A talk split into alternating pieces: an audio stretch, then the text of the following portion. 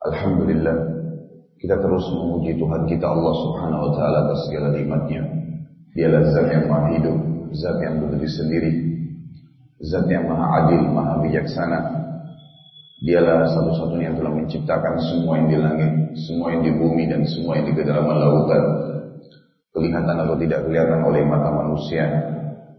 Zat yang tidak beranak dan tidak diperanakan dan tidak ada sekutu baginya dalam penciptaan, pengurusan, pengawasan, kepemilikan, dan juga pemusnahan.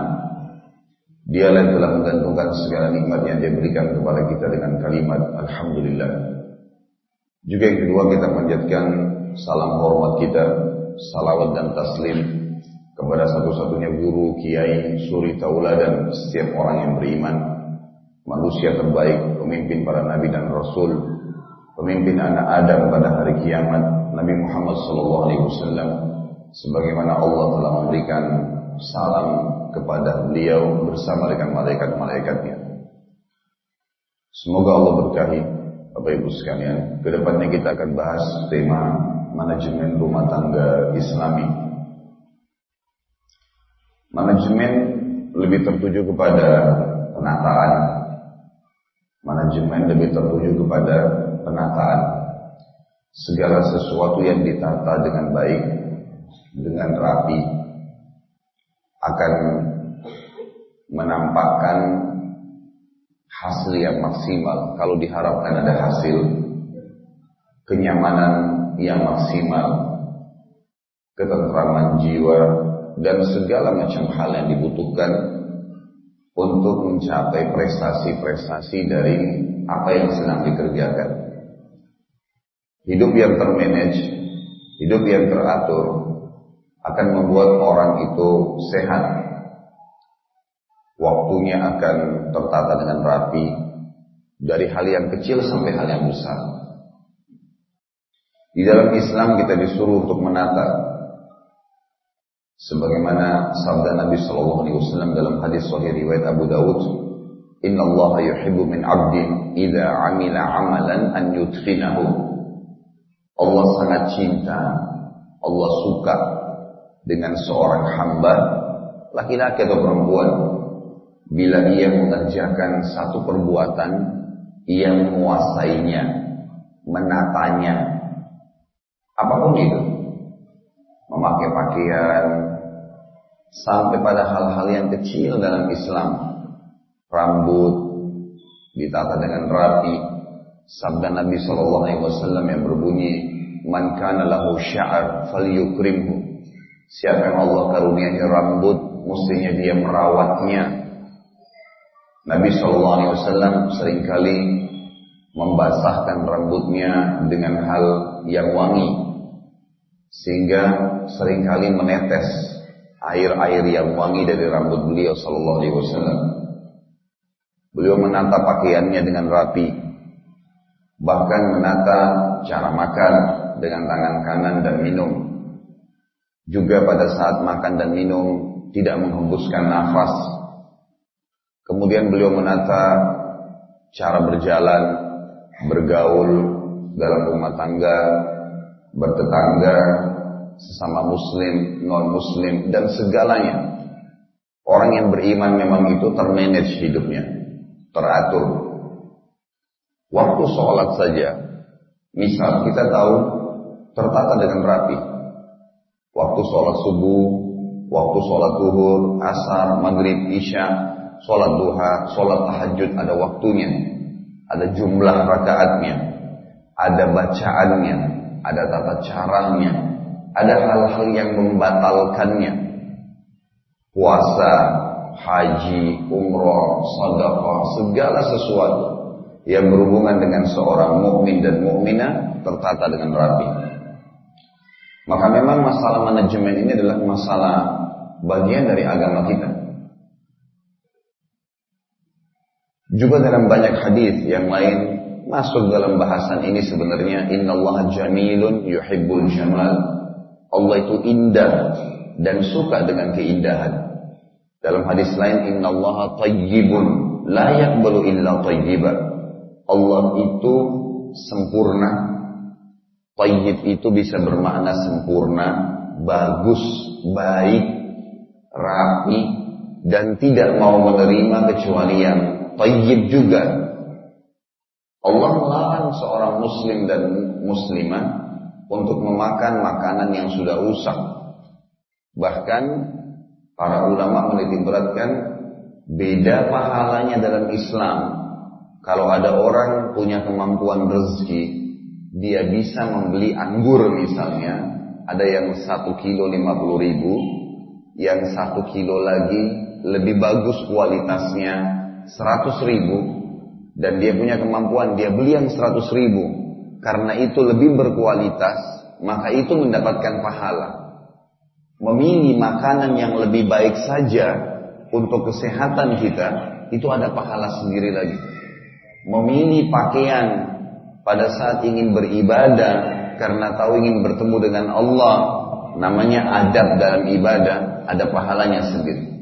Sampai Abu Hanifah rahimahullah, beliau kalau lagi sholat malam, beliau selalu memilih setiap sholat malam baju yang terbaiknya. Bahkan dalam beberapa asar tentang beliau, beliau memilih baju baru setiap kali ingin sholat tahajud. Banyak sekali dalam Islam kalau kita ingin rincikan berhubungan dengan masalah manajemen itu. Oleh karena itu teman-teman sekalian, saya menyusun sebuah tema.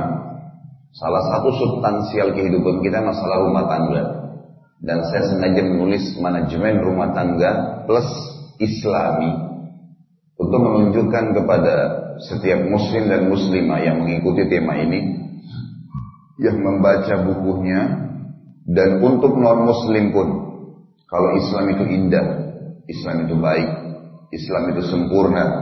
Dan layak kenapa Allah mengatakan dalam surah Al-Imran ayat 19 A'udzu billahi rajim. Inna dina 'indallahil Islam. Agama yang diterima di sisi Allah hanya al-Islam. Islam kata Nabi SAW ya'lu wa la yu'la alaih. Islam itu pasti selalu unggul dan tidak ada yang mengunggulinya. Yang membuat Islam ini akhirnya punya citra yang kurang baik adalah individu-individu muslim yang tidak paham tentang Islam. Pada saat mereka misalnya mulai mengenal agama, mulai diperkenalkan akhirat, surga, bagaimana kenikmatan abadinya, maka mereka dan diceritakan tentang neraka dan ancamannya, mereka mulai meninggalkan dunia ini dengan alasan untuk akhirat. Misal zuhud, kita nggak usah pakai baju bersih, kita harusnya makan roti kering, kita tidak usah begini dan begitu. Bahkan saya pernah dengar seorang penceramah berceramah di depan jemaahnya tidak sengaja saya sholat di masjid itu dia mengatakan kita nggak usah banyak-banyak mandi karena dunia ini sebentar kita akan laluin. Kesannya nggak usah jaga kebersihan. Ini semua bertolak belakang dengan apa yang dilakukan oleh Nabi Shallallahu Alaihi Wasallam sehingga citra Islam jadi buruk. Islam menyuruh para pengikutnya untuk senyum, tabassum fi wajhi akhika sadaqah. Senyum di wajah saudaramu adalah sedekah, pahala. Maka kita disuruh untuk itu. Islam tidak menyuruh kita untuk bermuka masam kepada siapa pun, orang muslim atau non muslim. Kita boleh tegas, tapi tidak boleh kasar dalam Islam. Ini boleh, ini tidak boleh. Tapi kasar, mata melotot, tangan melayang, kaki melayang, kata-kata kasar kalau dari mulutnya sehingga menyakiti orang lain tidak ada. Tapi tegas ada. Nabi SAW tidak pernah kasar, tapi beliau tegas, iya. Islam datang sangat mulia, sempurna. Tinggal bagaimana seseorang muslim betul-betul menerapkan Islam itu. Makanya Allah Subhanahu wa taala mengajak kita semua agar kalian sempurna hidupnya. A'udzu billahi minasyaitonir rajim ya ayyuhalladzina amanu dkhulu fis silmi kaffah wa la tattabi'u khutuwatis syaitan. Al-ayat. Hai orang-orang yang beriman, masuklah ke dalam Islam itu secara kafah, menyeluruh, semuanya diambil. Semua yang ditutup dalam agama diambil dari masalah bangun tidur sampai tidur kembali. Karena ditata. Cara cara mau tidur balik sisi kanan, telapak tangan kanannya di bawah pipinya, ada doa yang dibaca. kemudian bangun tidur, ada cara doanya, apa yang harus dikerjakan, berpakaian dari sisi mana duluan dimasukkan ke tubuhnya, pakai sisi kanan, buka dari sisi kiri, mau mandi mulai dengan sisi kanan tubuh, ya, selesai seperti apa masuk kamar mandi keluar kamar mandi, semuanya, semuanya dari tidur, dari bangun tidur sampai tidur kembali. Teman-teman sekalian, rumah tangga, tadi itu masalah manajemennya. Rumah tangga adalah istilah di dalam agama kita yang tertata dengan rapi untuk melanjutkan perkembangan keturunan manusia. Jadi kita ini dikembangbiakkan oleh Allah sebagai pencipta dengan menciptakan laki-laki dan perempuan dimulai dari ayah, dari kakek kita, manusia pertama Adam alaihissalam dengan nenek kita yang pertama Hawa alaihissalam lalu Allah Subhanahu wa taala mengembangbiakkan kita di situ.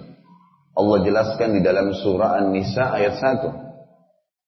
Minasyaitonir rajim ya ayyuhan nasu taqu rabbakumul ladzi khalaqakum min nafsin wahidah wa khalaqa minha zawjaha wa batha minhuma rijalan katsiran wa nisaa'a. Wattaqullaha alladzi tasaaluna bihi wal arham. Inna Allah kana alaikum rahiba. Hai sekalian manusia, semua dari suku mana pun, bagaimanapun poster tubuhnya, warna kulitnya, paras wajahnya, bahasanya, wilayah mana yang dia hidup di muka bumi ini, hai sekalian manusia kata Allah, semuanya, anak Adam, kami telah mencipta, bertakwalah, patulah kepada satu-satunya Tuhan Allah yang telah menciptakan kalian dari jiwa yang satu yaitu Adam alaihissalam dan telah menciptakan juga dari jiwa yang satu istrinya Hawa alaihissalam dan juga telah mengembangbiakkan dari keduanya banyak sekali laki-laki dan perempuan. Maka hanya tunduk patulah kepada Tuhan kalian Allah yang telah menciptakan dari jiwa yang satu itu dan jagalah hubungan silaturahim. Hubungan di antara sesama kerabat kalian. Sesungguhnya Allah senantiasa mengawasi kalian. Rumah tangga dalam Islam adalah sebuah istilah yang digunakan untuk mengatur rapi, memanage sedemikian rupa agar nanti jalur keturunan manusia jadi bagus. Untuk membangun rumah tangga, rumah tangga digunakan dalam istilah agama kita kalau laki-laki perempuan sudah bersatu untuk menyatukan laki-laki dan perempuan ini agar bisa keturunan manusia berlanjut terus-menerus sampai di waktu yang Allah sudah tutup yaitu hari kiamat dan mereka dibumbuhi supaya jadi indah kehidupan itu dengan hubungan biologis maka ada dua istilah dalam pelampiasan biologis dalam agama kita satu haram satu halal zina dan nikah. Zina pelampiasan biologis. Laki-laki dan perempuan butuh satu sama yang lain.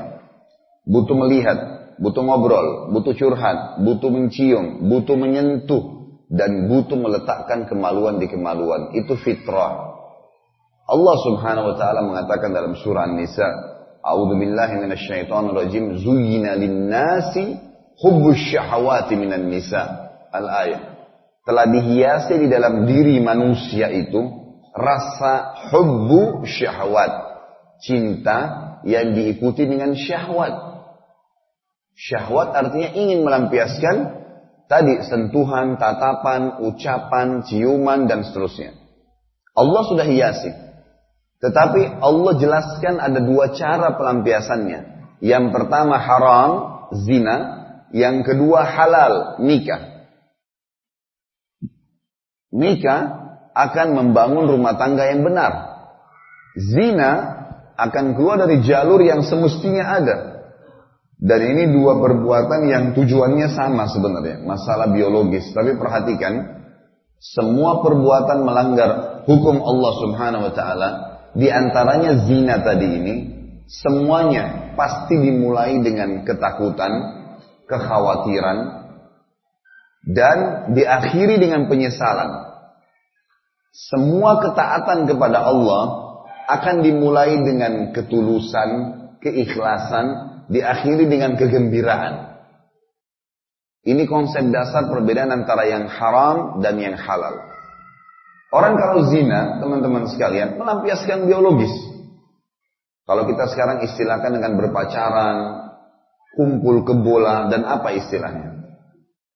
Maka pada saat mereka berkumpul, pastikan semua yang berkumpul dengan cara yang tidak benar, sunnatullah, sistem di seluruh pelosok muka bumi termasuk pada orang-orang kafir sendiri, mereka pasti memulainya dengan ketakutan dan kekhawatiran. Dan ujung-ujungnya penyesalan. Kita bicara ruang lingkup manusia, orang Islam aja.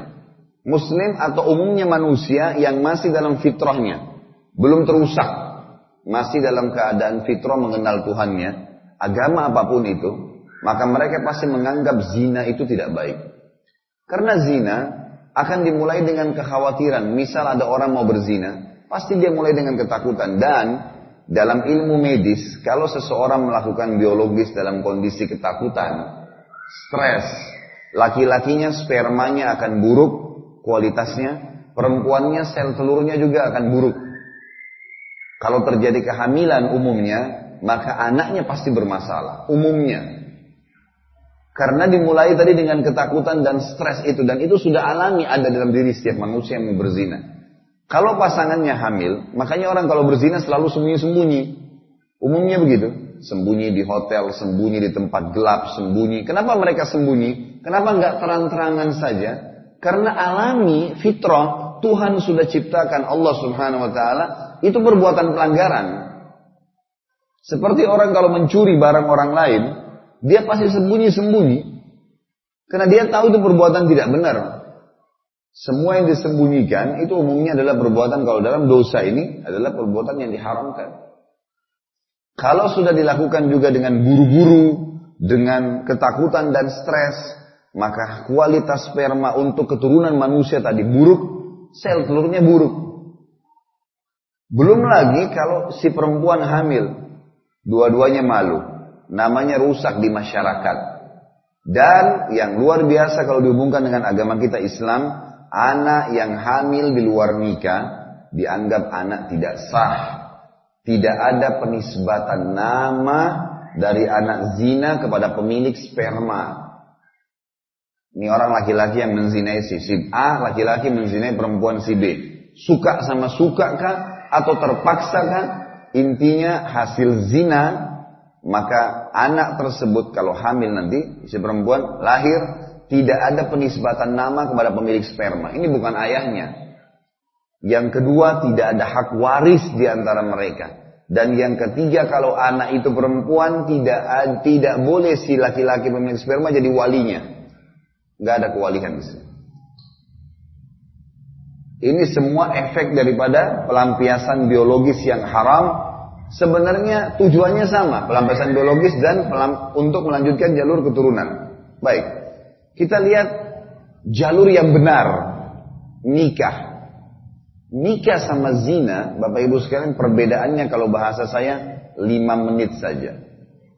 Cuman 5 menit, bahkan kurang dari 5 menit itu. Kalau zina tadi dimulai dengan ketakutan diakhiri dengan penyesalan. Kalau nikah dimulai dengan keikhlasan, ketulusan, keinginan yang besar, diakhiri dengan kenikmatan dan kegembiraan. Perbedaannya cuma kalimat akad nikah. Wali perempuan datang menikahkan si laki-laki calon anak mantunya, dua saksi, ada mahar, makin sederhana maharnya, makin berkah si perempuan itu. Kata Nabi SAW, Aktharuhunna baraka akalluhunna mahra. Wanita yang paling banyak berkahnya justru yang paling sederhana maharnya. Indonesia sudah jalankan Alhamdulillah perangkat alat sholat, apalah, yang sederhana. Kita bukan bicara sekarang masalah gedungnya dulu. Kita bicara hukum syar'i, masalah halal biologis atau tidak. Adalah kalimat akad. Si wali perempuan datang memegang tangan anak calon anak mantunya, saya nikahkan kamu sama anak perempuan saya si fulana binti fulana dengan emas kawin ini. Si laki-laki dalam hukum syar'i kita kalau mengatakan saya terima nikahnya. Sampai situ saja udah sah. Mau gugup, mau nggak gugup, sah. Ini perlu digarisbawahi di Indonesia gugup disuruh ulang. Kesian orang sudah stres, mau disuruh ulang lagi. Bagaimana kalau cadel? Bagaimana kalau ini susah? Pokoknya dia mengatakan saya terima, udah sah. Kalimat itu. Kalau dia lanjutkan nikahnya si fulana binti fulana dengan mas itu pelengkap saja. Begitu dia bilang saya terima nikahnya, baik. Semua orang tahu di rumah itu kalau si laki-laki ini baru saja mengenal si wanita, udah boleh masuk ke kamar sama-sama, orang semua tahu akan hubungan biologis dan mereka akan melakukan biologis dalam keadaan seperti apa? Ketenangan jiwa, gembira. Karena orang semua tahu ini pasangan halalnya. Dia akan melakukan dengan sangat baik. Secara medis, kualitas spermanya akan bagus, kualitas sel telurnya akan bagus. Anak yang lahir juga itu akan berkualitas. Setelah itu dilakukan dengan ketenangan jiwa, ada pahalanya di situ. Gitu kan? Kata Nabi SAW, Fi bid'i ahadikum sadaqah. Di kemaluan kalian itu ada pahala besar. Kata para sahabat langsung faham. Ayati ahaduna. Ya Rasulullah, ayati ahaduna ahla walahu fihi ajir. Wahai utusan Allah, kami menggauli istri kami. Menasakan kenikmatan, kami dapat pahala. Kata Nabi SAW, Ara'aitum law wada'tumuhu fil haram alakumul wizr. Tidakkah kalian lihat kalau kalian meletakkan kemaluan kalian pada yang haram, tadi istilah zina. Kalian akan dapat dosa besar. Kata para sahabat, bala ya Rasulullah. Benar wahai utusan Allah. Maka kata Nabi SAW, wa fil halal. Begitu juga kalau kalian letakkan kemaluan kalian pada yang halal. Pahalanya orang berhubungan biologis setelah kalimat akad, besarnya sama dengan kadar dosanya zina yang kalau diletakkan tanpa kalimat akad. Sisi ketenangan jiwa ada, pahala besar ada. Dan kalau si istri hamil, yang terjadi apa? Dua-duanya senang. Keluarganya senang. Tidak ada perempuan hamil dari suaminya itu tidak bangga jalan. Biasa, walaupun perutnya besar, bangga jalan. Kalau perempuan hamil di luar nikah, disembunyikan sama dia. Malu untuk ketahuan. Ini perbedaan antara halal sama haram saja ini. Masalahnya kurang dari lima menit. Berubah semua, termanage dengan sedemikian rupa rapinya hanya karena mengikuti hukum Allah Subhanahu wa taala. Di sini Bapak Ibu sekalian, orang kalau dia hamil si perempuan, dua-duanya senang, keluarganya senang, namanya harum di masyarakat, anak yang lahir jelas statusnya. Siapa ayahnya? Si fulan. Orang tahu. Ada hak waris di antara mereka. Kalau anak perempuan boleh si laki-laki jadi walinya, bahkan tidak boleh nikah anaknya kecuali dengan izinnya punya kedudukan. Ibunya dibaktiin. Ini ibu yang sah, luar biasa. Hanya karena menjalankan hukum Allah. Ini penting sekali. Membangun rumah tangga teman-teman sekalian adalah sebuah ibadah. Bahkan ulama mengatakan ibadah yang paling panjang umurnya di dalam Islam paling banyak pahalanya adalah rumah tangga. Semenjak akad nikah sampai meninggal bahkan sampai anak cucunya akan menjadi amal terus. Karena si laki-laki nanti kita akan sebutkan tentang kewajiban, dia akan memberikan nafkah, makan, minum, si perempuan juga merawat anak-anaknya, merawat rumahnya, merawat suaminya, sehingga kehidupan berputar tuh, roda yang luar biasa. Gitu. Jadi rapi, jadi tentram, lahirlah kader-kader manusia yang terbaik dari rumah tangga yang terbaik, karena memang mereka mengatur dengan cara yang baik. Dan tidak ada yang mengalahkan cara Tuhan Allah subhanahu wa ta'ala.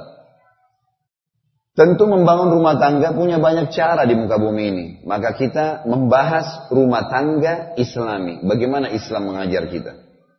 Sebab ini agama kita, ini ibadah. Islam datang Bapak Ibu sekalian sebagaimana hadis tadi saya bilang. Jangan lupa. Al-Islamu ya'lu wa la yu'la alaih. Islam itu pasti paling unggul, tidak ada yang mengunggulinya. Tinggal benar nggak kita netapkan. Kita akan dengarkan nanti dari poin-poin yang saya paparkan. Bagaimana kemuliaan Islam dalam mengatur masalah rumah tangga. Dan ini berlaku pada semua lini kehidupan kita. Sosial, masalah sosial, masalah ekonomi, masalah politik. Semuanya tertata dengan sedemikian rupa. Hanya kita sekarang bicara sub, salah satu sub dari kehidupan kita masalah rumah tangga. Itulah judulnya Bapak Ibu sekalian. Manajemen rumah tangga Islam. Anda hadir sini akan dengar apa yang saya paparkan tadi. Dalam materi, materi ini ada saya susun beberapa subjudul. Yang pertama, definisi pernikahan. Ini akan saya jelaskan nanti. Yang kedua, tujuan pernikahan. Jadi ini kayak seperti tanggahnya ya. Tahapannya memang begitu. Kita akan bahas dulu definisi pernikahan. Karena Bapak Ibu kalau mau melakukan sesuatu, usahakan tahu apa itu sesuatu yang saya mau kerjakan. Kalau kita tahu maka kita akan tahu. Bapak Ibu ditawarin makan nih, ini makanan ya, mas, ini mas, ini mbak, makanan. Ya. Warnanya misal warna hitam, atau warnanya warna coklat. Yang efektif dan cerdas adalah tanya, apa ini ya? Nanya. Oh ini rasanya gurih, oh ini rasanya pedas, namanya ini. Kita pada saat menangkap informasi tadi, ini pedas mas. Di, di, men, di mindset kita nanti, itu di mindset kita sudah terekam, oh ini pedas. Jiwa kita siap, lidah kita siap menerimanya. Benar nggak? Daripada kita dikasih makanan main makan saja. Itu lain. Sebenarnya ini secara akademik kalau di buku namanya definisi. Menanyakan sesuatu sehingga kita dapat informasi itu namanya definisi. Ini makanan silakan makan, makanan apa tuh? Dijelasin sama dia, makanan ini. Itu penjelasannya itu namanya definisi. Perlu tahu. Kita ditawarin kerja di satu tempat. Tahu, cari tahu. Kerjanya apa? Jangan baiklah, saya terima saja. Nggak tahu di sana ada kerjaan apa, berapa jam kerja, gajinya berapa. Nggak ngerti, nggak bisa ini. Harus tahu. Makanya dalam agama Islam, kalau bapak ibu baca, teman-teman membaca buku-buku fikih, kita akan temukan semua bahasan agama kita ada definisi. Seperti misalnya sholat nih. Kalau kita buat buka buku fikih, sholat dituliskan tuh sholat itu apa dari sisi etimologi dan dari sisi terminologi. Sisi bahasanya apa artinya? Kalau bahasa kita di kampus biasanya etimologinya dan sisi istilahnya yang diinginkan dalam syariat atau terminologinya. Dijelaskan, misal sholat itu adalah doa secara etimologi. Kemudian terminologi adalah gerakan-gerakan tertentu yang dikerjakan dimulai dari takbir diakhiri dengan salam. Ada gerakan, ada penjelasan. Kita jadi tahu. Pernikahan butuh definisi. Nanti kita akan jelaskan apa sih pernikahan itu. Jadi jangan nanti menikah, Bapak Ibu sekalian, oh karena teman-teman saya semua sudah nikah. Oh karena orang tua saya suruh. Oh karena ya datang orang yang meminta saya. Hanya sebatas itu. Tapi kita tidak tahu ini apa ini yang saya akan lakukan nih. Pernikahan ini apa? Penting sekali masalah definisi. Kita akan jelaskan di awal poin nanti definisi pernikahan. Dari sini beranjak Anda akan membangun. Beli mobil, cari tahu mereknya apa, tanya fungsinya apa, kelebihannya apa. Nanti orang yang menjual menjelaskan definisinya. Ini mobil mereknya begini, mesinnya begini, kelebihannya begini termotivasi kita untuk membeli dan kita tahu bagaimana memfungsikan maksimal. Definisi penting. Yang kedua, setelah kita paham apa definisinya, cari tahu tujuannya. Ini beli mobil tujuannya apa? Buat saya apa? Oh ya, saya mau pakai kerja, mau bawa keluarga, ini, itu. Kalau tujuan ada, jelas kita melangkah. Tujuan Bapak Ibu datang sini, Jelas mau mendengarkan ilmu. Maka bapak ibu siap duduk dua jam, tiga jam pun gak ada masalah. Karena tujuannya jelas. Saya pun datang jauh-jauh dari Jakarta. Maka tahu tujuan saya. Saya akan isi materi. Saya siapkan materinya. Kemudian saya sampaikan dan saya paparkan juga dalam kondisi jiwa saya siap. Maka lain. Tahu tujuan, maka penting. Jangan orang yang ikut-ikutan sama temannya, Misal temannya, ayo kita ke sini yuk, ayo. Belum tahu ada apa di sana. Ikut-ikutan saja, nggak ada tujuannya. Ini jelas akan ngambang semua, waktunya terbuang percuma. Dan kalau ada bahaya bisa dia yang kena paling pertama. Ini bahaya sekali. Itu yang kedua, tujuan pernikahannya apa. Yang ketiga, setelah kita faham apa itu pernikahan, tujuan kita menikah apa, melangkah ke tahap yang ketiga, tangga yang ketiga adalah konsep ta'aruf islami. Bagaimana cara saya merangkul calon pasangan saya agar saya bisa mengenalnya.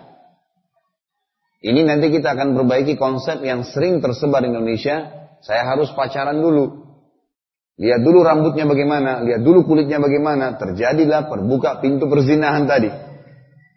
Harus keluar berdua, harus curhat dulu dan dan seterusnya. Nanti kita akan jelaskan ada konsep Islam, sederhana sekali. Tanpa harus keluar sama-sama, kita udah bisa tahu, oh orang ini begini, cocok jadi pasangan. Konsep sederhana. Dalam satu hari atau dua hari saja Bapak Ibu sudah bisa jadikan orang jadi pasangan. Sahabat itu kalau mau nikah, dia datang melamar pagi, siangnya sudah nikah. Gak ada konsep enam bulan lagi baru nikah, setahun lagi baru nikah itu gak ada dalam Islam. Bagaimana caranya kita akan jelaskan nanti konsep ta'aruf islami.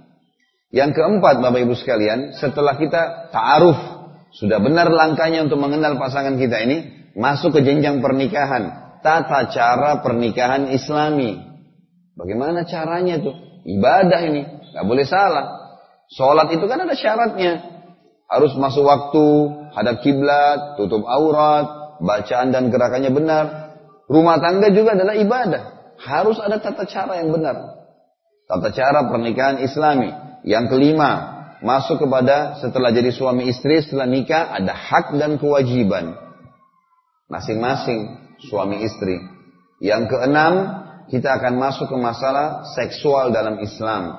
Bagaimana biologis dipandu dalam Islam, sehingga setiap muslim dan muslimah tidak butuh untuk mencontohi, melihat orang non-muslim. Nanti akan saya titip beratkan. Jangan pernah berhubungan biologis dengan nonton film porno. Ini luar biasa merusak biologis Anda. Luar biasa. Nanti akan saya jelaskan efek-efek secara kejiwaan, efek-efek secara syar'i yang luar biasa merusak. Yang terakhir, kita akan bahas tentang bagaimana membentuk rumah tangga islami itu sendiri. Baik, kita mulai Bapak Ibu sekalian dengan yang pertama, masalah definisi pernikahan.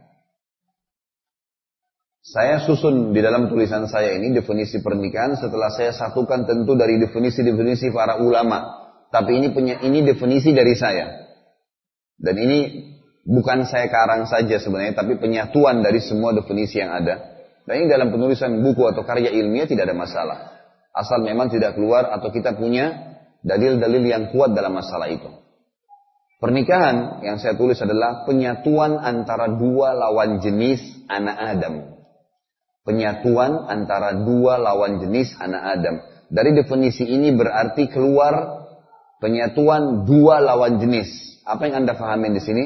Laki-laki dan perempuan berarti haram hukumnya dalam Islam menikah sesama jenis. Nggak ada homoseksual, nggak ada lesbian. Karena kata Nabi Shallallahu Alaihi Wasallam, ya, lesbian dan homo itu adalah bagian daripada perzinahan. Jadi nggak ada penyatuan antara sesama jenis. Anak Adam, penyatuan antara dua lawan jenis anak Adam. Anak Adam berarti keluar selain manusia. Gak boleh bapak ibu nikah dengan selain manusia. Mungkin heran anda, kok bisa Ustaz? Iya. Ada orang menikah dengan jin. Dukun-dukun, ya. Para orang-orang tidak normal, yang biasa dikatakan paranormal di Indonesia. Ya. Orang-orang yang tidak pintar itu, yang mengatakan dikatakan dirinya dengan orang-orang pintar, ini keliru semua definisinya. Salah semua, sehingga orang akhirnya banyak berobat kepada mereka, datang kepada mereka. Tapi orang-orang yang tidak benar, karena melanggar hukum Allah subhanahu wa ta'ala. Maka mereka itu, Bapak Ibu sekalian, menikah dengan pasangan jinnya, syaitannya. Ada orang melampiaskan biologisnya dengan hewan. Di Jepang sekarang, tahun-tahun terakhir ini, banyak sekolah tutup. Gak ada lagi sekolah. Bahkan saya lihat cuplikannya oleh salah, seorang anak muda berpendidikan dari Saudi. Dia datang ke Jepang mengadakan survei. Memang tata rapi negaranya. Tapi ternyata dari mulai popok bayi, maaf, popok bayi, itu ditemukan ternyata popok orang dewasa dibandingkan popok bayi itu lebih banyak sekarang di Jepang. Karena orang tua lebih banyak daripada anak-anak. Juga sama, ya, sekolah-sekolah yang dulunya terbuka besar, sudah nggak ada lagi sekolah. Bahkan ada sekolah yang didatangin, di situ terlihat sudah ditutup, ya alat-alat dulu perangkat-perangkat sekolah TK, SD sudah nggak dipakai, sapunya berantakan, mejanya, sekolahnya mewah, nggak ada, nggak ada, nggak ada muridnya. Kenapa? Penelitian yang, yang, yang, yang menyebutkan masalah itu ternyata di Jepang banyak sekarang anak-anak mudanya, generasi muda, sudah beberapa tahun ini tidak mau menikah. Dan mereka melampiaskan biologis dengan hewan. Makanya sering kali kita temukan kalau wanita Jepang sekarang ini, mereka pasti ditemani oleh anjingnya. Pelampiasan biologis kepada hewan. Itu terjadi. Sampai akhirnya mereka sudah merasa tidak perlu lagi punya anak. Bahkan di situ dicuplikan, diperlihatkan bagaimana wanita-wanita Jepang di rumah mereka membuat kamar seperti kamar anak dan itu terdiri dari pakaian tempat tidur anjingnya. Sampai pada tingkat seperti itu. Ini bahayanya orang kalau keluar dari fitrah tadi. Ada anak Adam di sini. Kebutuhan kita sama anak Adam. Baik, saya ulangi. Penyatuan antara dua lawan jenis anak Adam. Saya sudah jelaskan tadi lawan jenis berarti tidak boleh sama jenis dan juga anak Adam tidak boleh selain manusia. Dalam satu penyatuan mereka dalam satu ikatan ritual agama. Jadi nikah itu ibadah. Kalau kita mau ibadah, kita tahu ada wajibnya, ada sunnahnya, ya, ada rukun-rukunnya, ada syarat-syaratnya, ada hal yang membatalkannya. Kan gitu ibadah ya. Makanya di sini kita harus tahu, rumah tangga juga begitu. Ada hal yang wajib, ada hal yang sunnah, ada hal yang ya membatalkan pernikahan itu. Selanjutnya, dalam satu ikatan ritual agama yang menghalalkan hubungan biologis di antara keduanya. Sebagaimana tadi saya paparkan di awal perbedaan zina sama nikah. Halal biologis. Abdullah bin Umar radhiyallahu anhu sahabat Nabi yang mulia. Beliau itu kalau bulan Ramadan berbuka puasa dengan kurma dan air putih, setelah sholat maghrib pulang berhubungan biologis sama istrinya. Saking dia menganggap bahwasanya biologis dalam Islam adalah hal yang penting. Syaitan kadang-kadang membuat kita bosan, jenuh sama pasangan kita. Kalau dia tidak berhasil, dia buat ya, sesuatu yang akhirnya membuat rumah tangga itu ribut, kacau sehingga biologisnya tidak terjalan. Karena kalau biologisnya kacau dalam rumah tangga, maka akan terbuka pintu-pintu zina di luar sana. Kalau rapi, maka akan rapi semuanya. Sebagaimana kita akan jelaskan nanti dalam masalah seksual dalam Islam. Halal hubungan biologis tadi. Dengan kalimat akad yang saya sudah jelaskan. Kemudian saya katakan di sini, penyatuan antara dua lawan jenis anak Adam dalam satu ikatan ritual agama yang menghalalkan hubungan biologis di antara keduanya, juga menyatukan antara keluarga kedua pasangan. Banyak orang Bapak Ibu sekalian tidak suka kalau mertuanya datang. Nggak suka kalau iparnya datang. Kenapa? Dia pikir nikah hanya sama pasangannya saja. Lupa dia. Bapak Ibu mau bagaimanapun caranya nggak bisa dia dipisahin sama orang tuanya. Nggak bisa dia dipisahin sama saudaranya. Sebelum nikah dia sudah punya orang tua, dia sudah punya saudara. Dan itu namanya rahim. Dalam Islam disuruh silaturahim. Nggak bisa diputus.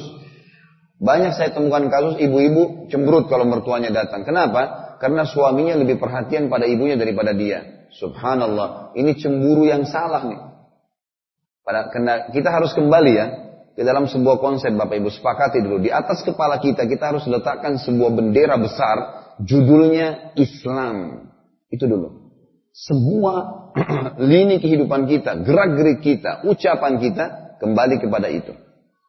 Boleh, boleh. Enggak, enggak. Halal, halal. Nikmatin haram, haram. Diberitakan wajib sunnah kerjakan, dilarang haram dan makruh tinggalkan. Konsep dasar seorang muslim.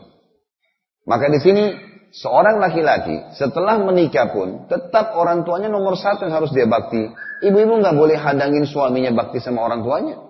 Malah dukung. Itulah permainan syaitan membuat akhirnya ribut suami istri Bahkan tidak jarang ada seorang istri yang membuat suaminya jadi durhaka. Sama ibunya hanya karena egonya dia. Ini nggak boleh. Begitu juga dengan bapak-bapak. Banyak yang tidak suka. Kalau istrinya misalnya telepon orang tuanya. Atau berhubungan. Atau silaturahim. Bahkan kadang-kadang dia katakan sama mereka yang digoda oleh syaitan. Udah nggak apa-apa kalau gitu. Kamu pergi aja sama orang tua kamu. Nggak usah ikut sama saya. Kenapa? Emang nggak boleh ketemu sama ibu saya selamanya? Gak boleh ketemu sama ayah saya. Bagaimana caranya menghapus status anak? Gak bisa ini, gitu kan? Maka harus dipahami teman-teman sekalian. Datangnya ipar. Ustadz, mertua saya cerewet kalau datang. Sabar. Di situlah pahalanya. Dari mana Bapak Ibu bisa dapat pahala sabar kalau tidak ada cobaan?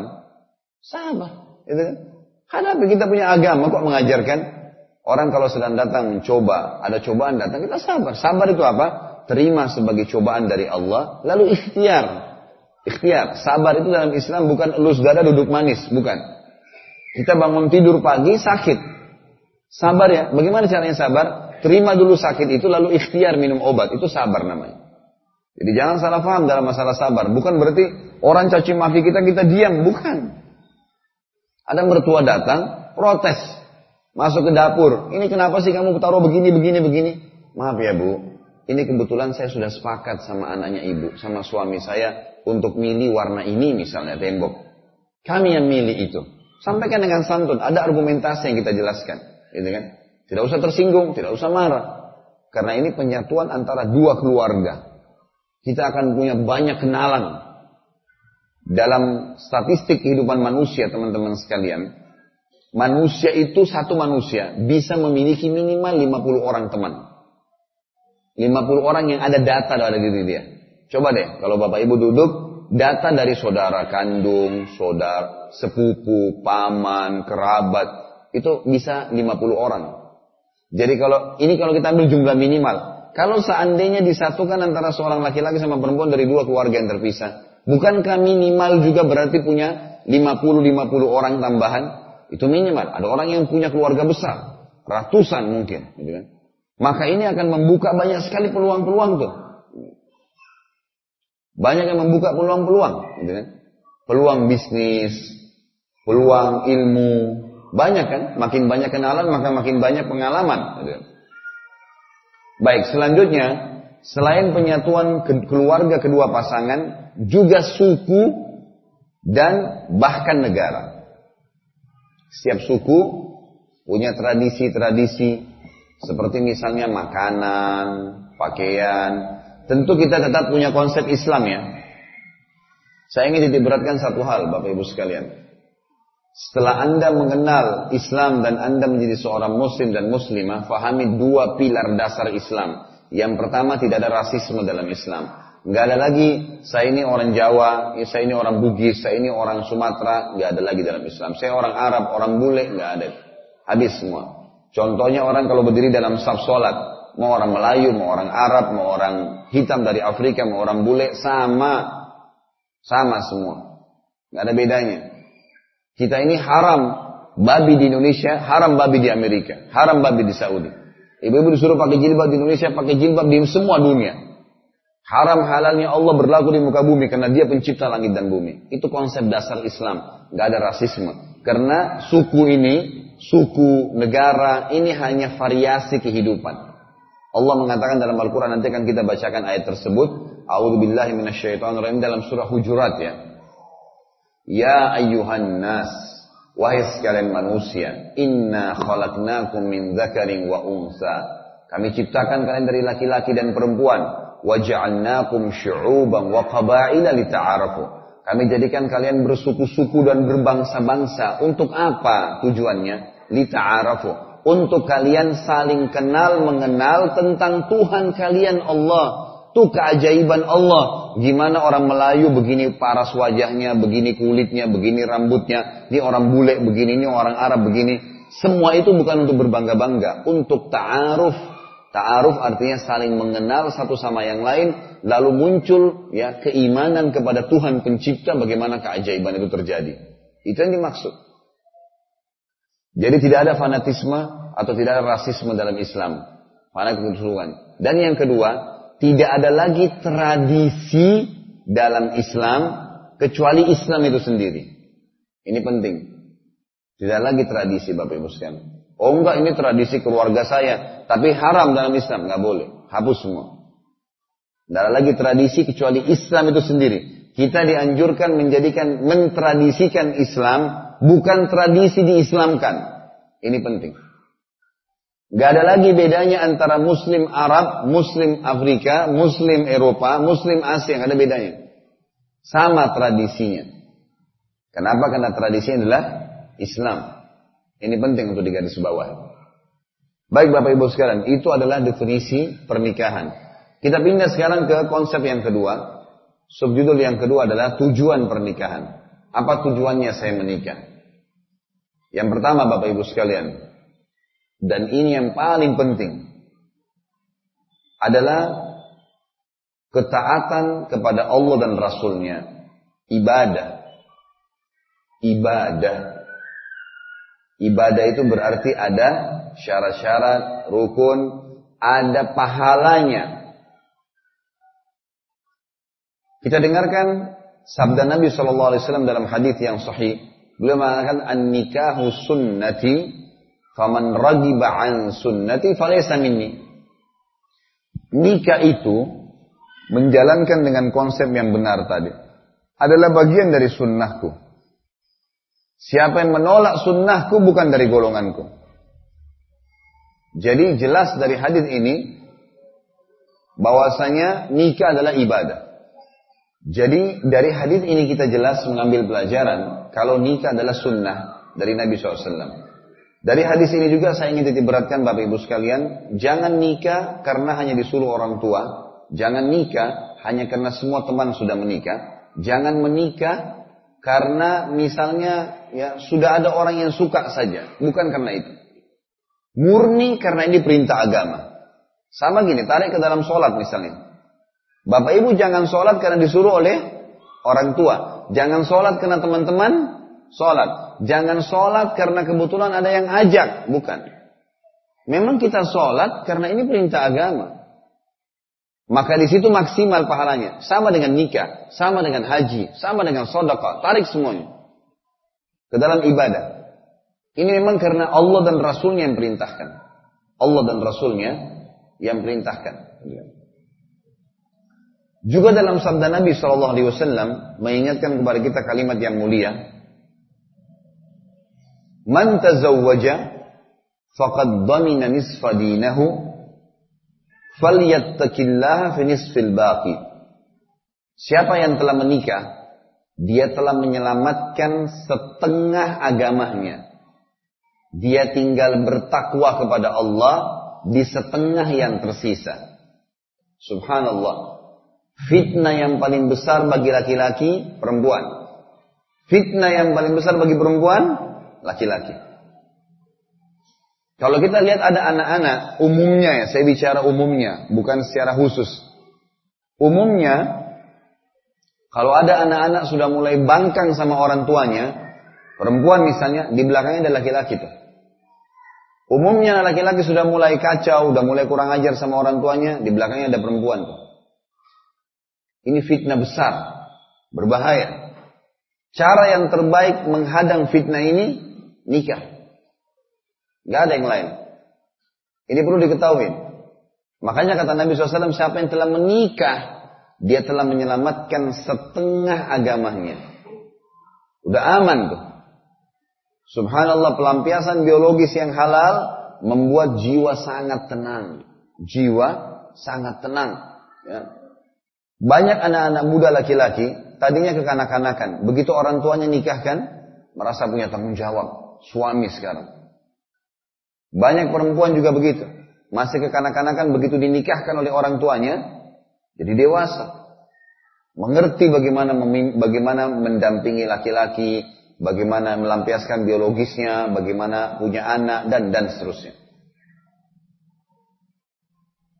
Kemudian sabda Nabi Wasallam, tentu di sini ada sedikit yang saya ingin titik beratkan juga teman-teman sekalian berhubungan dengan ketaatan kepada Allah. Tolong poin penting, kaidah hidup. Saya ulangi, ini poin penting. Jangan pernah hubungkan ibadah dengan prestasi dunia. Saya ulangi. Jangan pernah hubungkan ibadah dengan prestasi dunia. Jangan tunggu sudah jadi manajer di satu perusahaan baru mau sholat. Nggak ada hubungannya. Nggak ada hubungannya. Jangan pernah menikah diikat itu dengan ijazah di kampus. Maaf, saya bukan melarang Anda menjadi sarjana baru nikah, bukan. Tetapi lihat kondisi dan situasi. Kalau Anda merasa pernikahan sudah dibutuhkan, gejolak dalam jiwa ini berat kalau tidak ada pasangan, nggak boleh ditunda. Bapak ibu di sini yang sudah punya anak, yang sudah gadis atau sudah bujang, jangan egois, nggak boleh. Nak nikah, ayah ibu saya mau nikah, enggak enggak enggak, sarjana dulu, baru tingkat satu kuliah. Dalam jiwanya ini gejolak keinginan dengan lawan pasangan. Ada beberapa dulu yang pernah hadir di pengajian saya, SMS dengan saya, kalau waktu itu beberapa tahun lalu saya ceritakan belum ada WhatsApp ya. Kemudian dia mengatakan pada saya, Ustadz, saya sudah ikut pengajian sunnah, saya sudah mulai ikut tahu sunnah Nabi Shallallahu Alaihi Wasallam, sudah mulai paham agama, saya sudah mulai menjaga diri. Tapi di kampus saya ini fitnahnya luar biasa, luar biasa. Sekampus, sekelas, bersebelahan duduk sama lawan jenis dengan fitnahnya semua, rambutnya, dengan wanginya, dengan dandanannya perempuan ini mengganggu jiwa saya. Lalu saya tahu solusi dalam Islam adalah menikah. Saya pulang ke rumah saya sampaikan ke orang tua saya. Jawabannya spontan, kamu ini sudah gila nak. Mau nikah sekarang? Kamu mau berikan makan apaan istri kamu nanti? Langsung dihadang anaknya untuk ibadah. Sama anaknya bilang, saya mau sholat malam. Enggak, enggak usah sholat. Enggak usah. Nanti, nanti kalau kamu sudah mampu. Gimana caranya? Enggak ada hubungannya antara ibadah dengan prestasi dunia. Ijazah itu nggak dibutuhin di kuburan. Malaikat nggak tanya, kamu dari kampus mana? Kamu dari universitas apa? Nggak ditanya. Kamu sholat nggak? Kamu puasa nggak? Kamu tinggalkan yang haram nggak? Itu yang ditanggung jawabin hari kiamat. Ini nanti akan saya jelaskan ya. Saya juga orang akademik Bapak Ibu sekalian. Saya tahu pentingnya pendidikan. Tapi ada sisi pendidikan yang lebih penting daripada formal akademik tuh. Pendidikan moral di masyarakat dan itu penerapan dalam agama itu adalah penerapan agama. Ini luar biasa ini. Karena di zaman Nabi SAW tidak ada ijazah. Abu Bakar, Umar, Utsman, Ali dulunya tidak bisa membaca dan menulis di Mekah. Tapi jadi raja dan memimpin dunia. Bagaimana bisa? Muncul pertanyaan, dari mana itu? Kok bisa mereka jadi raja? Apakah begitu saja jadi? Lalu memimpin dunia. Setengah dunia di zaman Umar bin Khattab dikuasai oleh kaum muslimin. Tahun 15 Hijriah, setelah terjadi tahun 14 perang Yarmuk di negeri Syam, 15 terjadi di perang Persia, di wilayah Persia, setengah dunia di bawah kekuasaan kaum muslimin. Lalu mereka berkuasa berjalan. Bagaimana caranya mereka memimpin? Umar orang nggak bisa baca, nggak bisa nulis di Mekah. Kok bisa jadi raja dan memimpin? Apakah berarti mereka begitu saja berjalan bergulir, memimpin dunia? Teman-teman sekalian, ada Al-Quran dan Sunnah, ada agama. Agama memandu kita untuk ekonomi yang benar, politik yang benar, sosial kehidupan sosial yang benar, rumah tangga yang benar. Ada tatanan agama. Fahamin poin ini. Keluar dari sebuah kemelut yang atau sebuah bingkai kehidupan yang kita buat sendiri. Ibaratnya orang begini. Banyak orang yang ngurung dirinya di bingkai kehidupan yang dia buat sendiri teman-teman. Contoh. Saya kalau tidak minum kopi pagi hari, kepala saya pusing. Misal, dia kirim di mindset dia seperti itu. Kira-kira kalau nggak ada kopi pusing nggak? Pusing. Kenapa? Dia sendiri yang merekam di dirinya. Kalau tidak minum kopi pusing. Coba kalau dia tidak kirim ke dirinya itu, nggak ada sugesti itu, biasa saja. Ada susu, ada air putih, ada apa saja, minum Bismillah. Teman-teman yang masih merokok, coba tanya, kenapa anda merokok? Jawabannya pasti ke situ tuh. Saya kalau tidak merokok, saya tidak bisa berpikir. Saya kalau tidak merokok, tidak percaya diri. Kan ke negatif semua. Dia kurung dirinya di bingkai itu. Padahal di luar ini luas. Ada rokok, nggak ada rokok bisa hidup. Jutaan orang hidup tanpa rokok. Apalagi itu berbahaya gitu kan. Jangan kurung diri kita di bingkai itu. Saya kalau belum begini, saya tidak bisa buat ini. Nggak bisa. Ini nggak berlaku dalam ibadah ya. Lain kalau prestasi dunia. Tapi kalau dalam ibadah, saya nanti kalau sudah tadi manajer baru saya mau sholat malam. Saya kalau sudah punya rumah, sudah sarjana baru saya mau menikah. Kalau dia bisa kontrol dirinya silakan. Gak melanggar agama tadi silakan. Tapi kalau nggak bisa, ada anak-anak Bapak Ibu sekalian yang tidak bisa kontrol syahwatnya, bukan dari dia, memang dari dalam jiwanya itu. Gak bisa. Saya baca sebuah buku medis yang ditulis oleh seorang dokter muslim dari Mesir. Di situ dibahasakan, diambil dari buku Mahkota Pengantin judulnya. Terbitan Pustaka Tazkiyah, kalau Bapak Ibu dapat di sini bisa dibeli. Itu dia katakan sperma laki-laki itu komposisinya setelah diadakan penelitian dengan detail ya dengan alat teknologi canggih sekarang ditemukan ternyata komposisinya adalah api ya dan udara. Ada oksigen. Dan itu panas di jiwa laki-laki. Kalau dia tidak keluarkan spermanya, yang terjadi berpengaruh pada emosi. Berpengaruh pada perilaku. Berpengaruh pada stres. Berpengaruh pada macam-macam. Hal-hal yang berbahaya buat diri dia. Maka itu dalam jiwa anak-anak ada. Tadi anak muda ini yang bilang sama saya, Ustaz saya bilang ke orang tua saya spontan dibantah, nggak boleh. Kamu sudah sarjana baru boleh nikah, silakan. Dan banyak orang tua di Indonesia, subhanallah, lebih bangga anaknya gonta ganti pacar daripada menikah. Gak masalah, pacarnya datang nih, tetangganya lihat, dijemput malam minggu, kira-kira nggak berzina tuh. Malam minggu keluar sama-sama dingin-dingin, gelap-gelap, di bioskop, di tempat gelap. Terus kemudian nggak apa-apa. Orang tuanya tahu, pacar anaknya datang pamit, jemput anak perempuannya, lalu keluar berdua. Kira-kira nggak diapa-apain? Akal sehat nggak mungkin menangkap itu. Terbuka pintu berzinahan. Itu lebih dia bangga. Bahkan kalau putus pacarnya, anaknya sedih anaknya didatangi sama ibunya sama ayahnya. Kenapa anak putus? Cari pacar baru. Bangga. Datang pacar satu tahun bisa lima pacar gonta ganti tetangga semua lihat nggak malu. Bahkan kalau ditanya itu siapa lagi? Oh itu pacar anak saya. Anak saya tidak suka yang lalu diputusin. Bangga. Kalau bu, pak, kenapa nggak nikahkan anaknya? Oh jangan, aib menikahkan ini aib. Memalukan menikah cepat. Gitu kan. Subhanallah. Ini harus diubah mindsetnya nih. Harus diubah. Saya bilang sama jemaah saya di Jakarta, apalagi orang-orang yang menghadapi problem, ternyata anak-anak mereka masih SMA, baru tingkat satu kuliah, itu sudah luar biasa. Pergaulannya itu susah untuk dikontrol. Jawabannya gimana caranya Ustaz? Nikahkan Bapak Ibu sekalian. Gimana caranya? Mau berikan makan apa istrinya nanti? Baik. Mana yang lebih baik? Bapak Ibu datangkan sepiring nasi lagi untuk anak mantu di meja makan kita. Yang nanti akan jadi mahram juga. Kalau anak mantu perempuan akan jadi mahram si laki-laki. Kalau anak mantu laki-laki akan jadi mahram bagi perempuan. Kan? Bagi mertuanya. Datangkan dia satu piring makanan untuk mengamankan kondisi biologis anak kita nih. Itu lebih baik. Dan nanti kita bantu ide-ide. Kita berikan modal, kita berikan ide.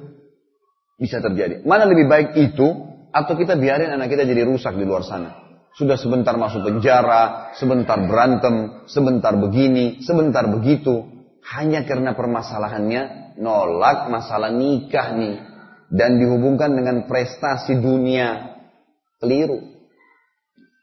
Ada orang subhanallah sampai saya tahu ada kasus pernah saya didiskusikan seorang anak perempuan karena ayahnya ini gila prestasi dunia, tanda kutip ya. Setelah S1 masih ditahan nggak boleh nikah anaknya. S2 nak, S2, S3. Ini kalau ada S7, S7 juga sekalian. Si perempuan kesian sampai umurnya sudah 35 tahun. Ini sudah bukan umur produktif untuk hamil dan punya anak. Sementara tujuan hidup ini melanjutkan generasi manusia. Itu target. Gimana caranya? Dan apa sih ayahnya mau apa? Bangga karena temannya puji. Bapak ibu sekalian, pujian orang dan cacian orang hanya sepanjang lidahnya saja. Jangan kejar itu. Kamu hebat ya, kamu cantik ya, kamu gagah ya. Atau kita dihina sepanjang lidahnya. Nggak ada pengaruhnya bagi seorang mukmin. Agama bilang, ah, ah, sahabat kalau jihad, jihad, perang, sekalian. Nikah, nikah, halal, halal, haram, haram. Nggak ada main-main. Nggak ada urusannya sama pujian orang, cacian orang, itu nggak ada urusan. Jangan hubungkan prestasi dunia dengan ibadah. Ini penting. Sholat azan, sudah selesai. Azan sholat. Apa pun konsekuensinya. Gak ada lagi ceritanya, oh ini enggak, oh ini enggak, oh ini belum, oh ini enggak ada ceritanya.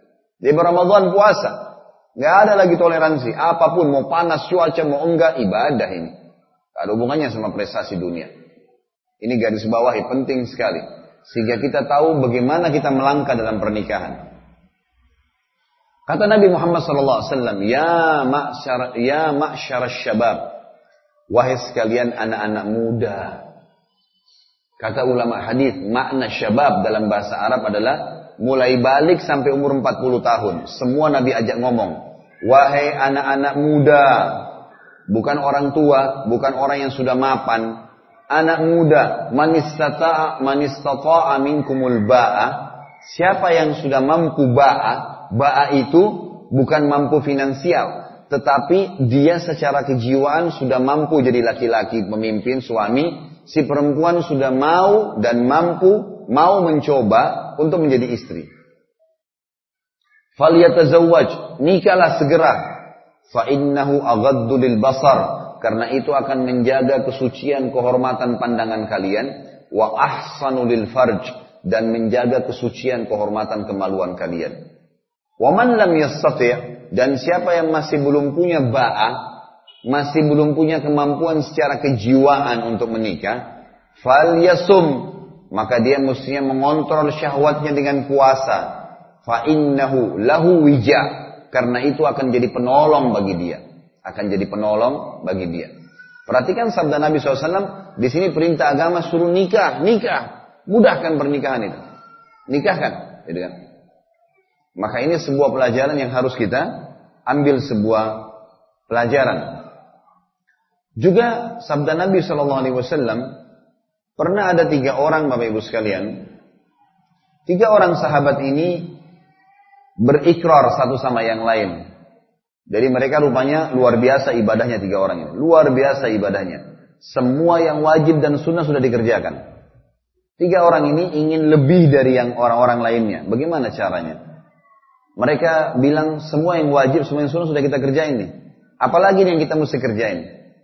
Setelah bermusyawarah tiga orang ini ternyata mereka temukan yang paling tepat yang mereka mungkin belum tahu adalah perilaku Nabi Muhammad SAW di rumahnya. Di luar rumah sudah kita kerjain semua nih. Dalam rumahnya apa nih? Maka mereka pergi. Tiga orang ini ke rumah Nabi SAW. Nabi SAW lagi tidak ada di rumah. Ada Aisyah radhiyallahu anha istri Nabi SAW dan diketahui Aisyah terdekat rumahnya dengan rumah dengan masjid Nabi SAW. Maka mereka datangin. Lalu mereka bertanya, wahai Aisyah, apa perilaku Nabi SAW di rumahnya? Di luar rumah ini kami sudah tahu semua. Dalam rumah apa yang beliau lakukan? Aisyah menjawab jawaban yang membuat tiga orang ini kayaknya tidak percaya gitu. Nabi SAW kalau di rumah, seperti seseorang kalian di rumahnya. Dia membantu istrinya apa yang perlu dibantu, dia menasehatin dan meluruskan kalau salah. Bahkan Nabi SAW pernah membetulkan sendalnya sendiri. Maka dalam hadis ini dikatakan ka'annahum aqalluha.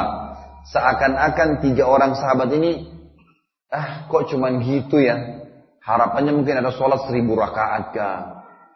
Ada zikir apa? Padahal buat perbaikin sendal, bantu istri, nasehatin kalau salah, juga istirahat. Biasa laki-laki seperti biasa orang di rumah. Gak ada sesuatu yang istimewa gitu. Maka mereka pun keluar dari masjid lalu tiga-tiganya ke pojok masjid. Lagi banyak sahabat yang ngumpul, mereka berikrar dengan suara keras. Yang satu bilang, mulai hari ini saksikanlah saya tidak akan buka puasa kecuali, dia bilang kecuali, sudah tidak tahan. Misal gini, dia puasa hari ini nih, sampai maghrib. Nah, nanti kalau dia masih kuat, dia lanjut sampai besok. Kalau masih kuat, hari ketiga baru buka puasa. Yang orang jarang lakukan, tidak ada orang lakukan tuh. Yang satu bilang, mulai hari ini saya akan sholat malam tidak ada lagi tidur. Mulai habis isya sholat sampai subuh. Gak ada tidur setiap malam. Yang orang tidak kerjakan. Yang ketiga mengatakan, mulai saat ini saya tidak mau nikah sama wanita. Supaya tidak tersibukkan dengan rumah tangga, saya mau ibadah saja. Ini poin, perhatikan judulnya tadi apa? Nikah adalah ibadah. Kan Ini poin pertama, tujuan pertama pernikahan. Maka waktu Nabi Muhammad SAW dengar itu Bapak Ibu sekalian, beliau keluar dari dari dari rumahnya masuk ke dalam masjid naik di atas mimbar. Setelah memuji Allah dan membaca salawat untuk diri beliau sallallahu alaihi wasallam beliau mengatakan telah sampai kepada saya ada beberapa orang di antara kalian berkata begini dan begitu. Ketahuilah saya orang yang paling bertakwa paling patuh sama Allah. Saya kata Nabi SAW puasa dan berbuka puasa saya tidur di malam hari dan juga bangun tahajud, sholat malam. Dan saya menikahi wanita. Man ragiba an sunnati falaysa minni. Siapa yang menolak sunnahku bukan dari golonganku. Jelas. Berarti menikah bagian daripada ibadah. Jadikan sebagai target.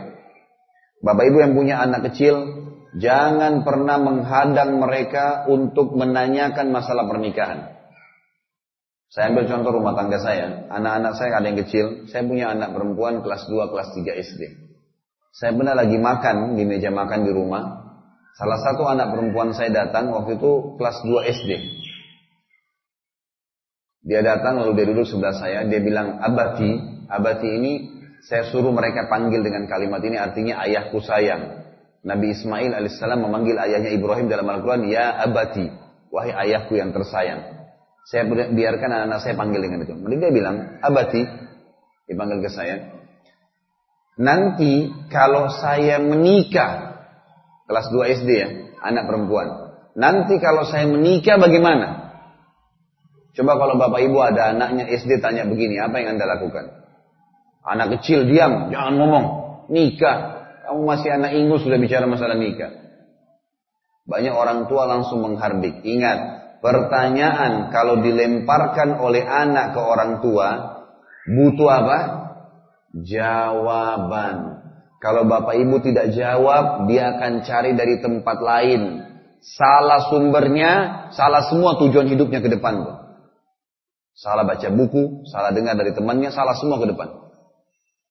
Kita harus jawab. Saya bilang, iya nak, insya Allah kamu menikah sama orang saleh hafal Quran yang patuh sama Allah. Umur 2 tahun, umur kelas 2 SD, umurnya sekitar 6-7 tahun. Tertanam di benak dia, saya harus menikah sama orang soleh. Dan ayah saya tidak marah pada saat saya bicara masalah pernikahan. Bukan aib. Kalau dia tanya temannya malah berbahaya. Harus bisa dijawab. Gitu kan. Pertanyaan-pertanyaan yang mereka lemparkan butuh jawaban dan jawabannya kembali kepada agama. Ini penting. Jangan Bapak Ibu sekalian kita menjadi seperti sebagian besar ya. Ada kaum muslimin semoga Allah berikan hidayah. Kalau anaknya mau menikah nih, satu dua hari sebelum pernikahan dikasih kursus cepat untuk modal 50 tahun ke depan. Ibunya panggil anak perempuannya, nak kamu harus begini, begini, begini, begini, begini. Semua nih ditumpukin pengalaman dia yang 30 tahun, 40 tahun ke anak gadisnya yang dua, dua hari lagi mau nikah. Orang lagi stres nunggu pernikahan, masih tegang, ini dikasih kursus cepat. Setelah itu ayahnya lagi, sini nak, kamu harus begini, begini, begini, begini. Ini salah. Cicil tuh informasi. Beritahukan dari awal. Ibu-ibu kalau masuk dapur aja anak gadisnya. Sini nak, ini loh cara buat makanan, ini loh cara begini, ini cara potong ayam, ini cara cuci buah, ini cara mencuci piring, ini cara ngepel. Walaupun Anda orang mampu, punya pembantu di rumah, Masya Allah, tetap aja pakai begitu. Latih anak-anak. Supaya mereka punya pengalaman dalam rumah tangga. Laki-laki sudah harus tahu. Anak-anak diajak kalau azan ke masjid. Anak-anak kalau misalnya pun kita lagi bekerja, dia bertanya, ayah lagi ngapain? Oh lagi kerja nak. Supaya nanti kamu bisa beli untuk bayar sekolah kamu, untuk begini. Tertangkap di benak dia, oh kerja itu adalah sebuah hal yang dianjurkan bagi laki-laki. Saya kalau sholat, azan, anak saya dua tahun lebih saya ajak ke masjid. Ajak sholat di masjid. Dia sholat ke masjid sekarang, subhanallah, masih belum bisa ngomong lancar semua. Tapi dia sudah bisa dengar azan, dia sudah bilang. Ya, Abati azan, Allah Akbar, Allah Akbar. Dia ngomong. Biasa dia katakan tidak terlalu fasih, tapi dia mengatakan Allah Akbar, sholat. Ditarik tangan saya suruh ke masjid. Saya masuk ke masjid biasanya di masjid dekat rumah saya saya kultum. Ada masjid kebetulan saya kecil, masjid ada satu kantor di situ saya jadi imam. Kemudian saya biasa kultum baca buku dosa-dosa besar. Anak saya sudah lihat saya setiap kali datang jadi imam dan begitu pegang. Dia umurnya belum tiga tahun. Insya Allah Februari ini jadi tiga tahun. Itu dia ngambil buku yang lain, dia berdiri sebelah saya, dia juga seperti ngoceh. Ngikutin apa yang saya lakukan. Umur dua tahun lebih. Sudah terbina seperti itu. Saya kalau ke masjid kadang-kadang kalau khawatir terlambat saya pakai motor. Kemudian ada orang ikhwa-ikhwa yang dekat-dekat situ kantoran, dekat rumah saya lewat. Saya kadang-kadang mengatakan Assalamualaikum, Assalamualaikum. Saya berikan salam. Karena yang berkendaraan memberikan salam kepada siapa? Yang jalan. Gitu kan? Yang berdiri berikan salam kepada yang duduk. Adabnya begitu. Yang muda berikan salam kepada yang tua. Maka saya berikan salam. Subhanallah saya tadinya nggak niat untuk mendidik anak saya. Tapi saya lakukan karena sunnah Nabi. Anak saya memperhatikan, begitu pulang dari masjid, lewat ke orang-orang, dia yang bilang, kum, kum, kum. Dia yang berikan salam ke mereka. Didik mereka dalam masalah itu. Cicil masalah pendidikan agama. Penting sekali. Anak-anak perempuan, bu, pakai jilbab dari kecil. Oh panas, topi juga panas. Sama. Oh lucu kalau pakai topi, lucu juga kalau pakai jilbab. Harus dibiasakan.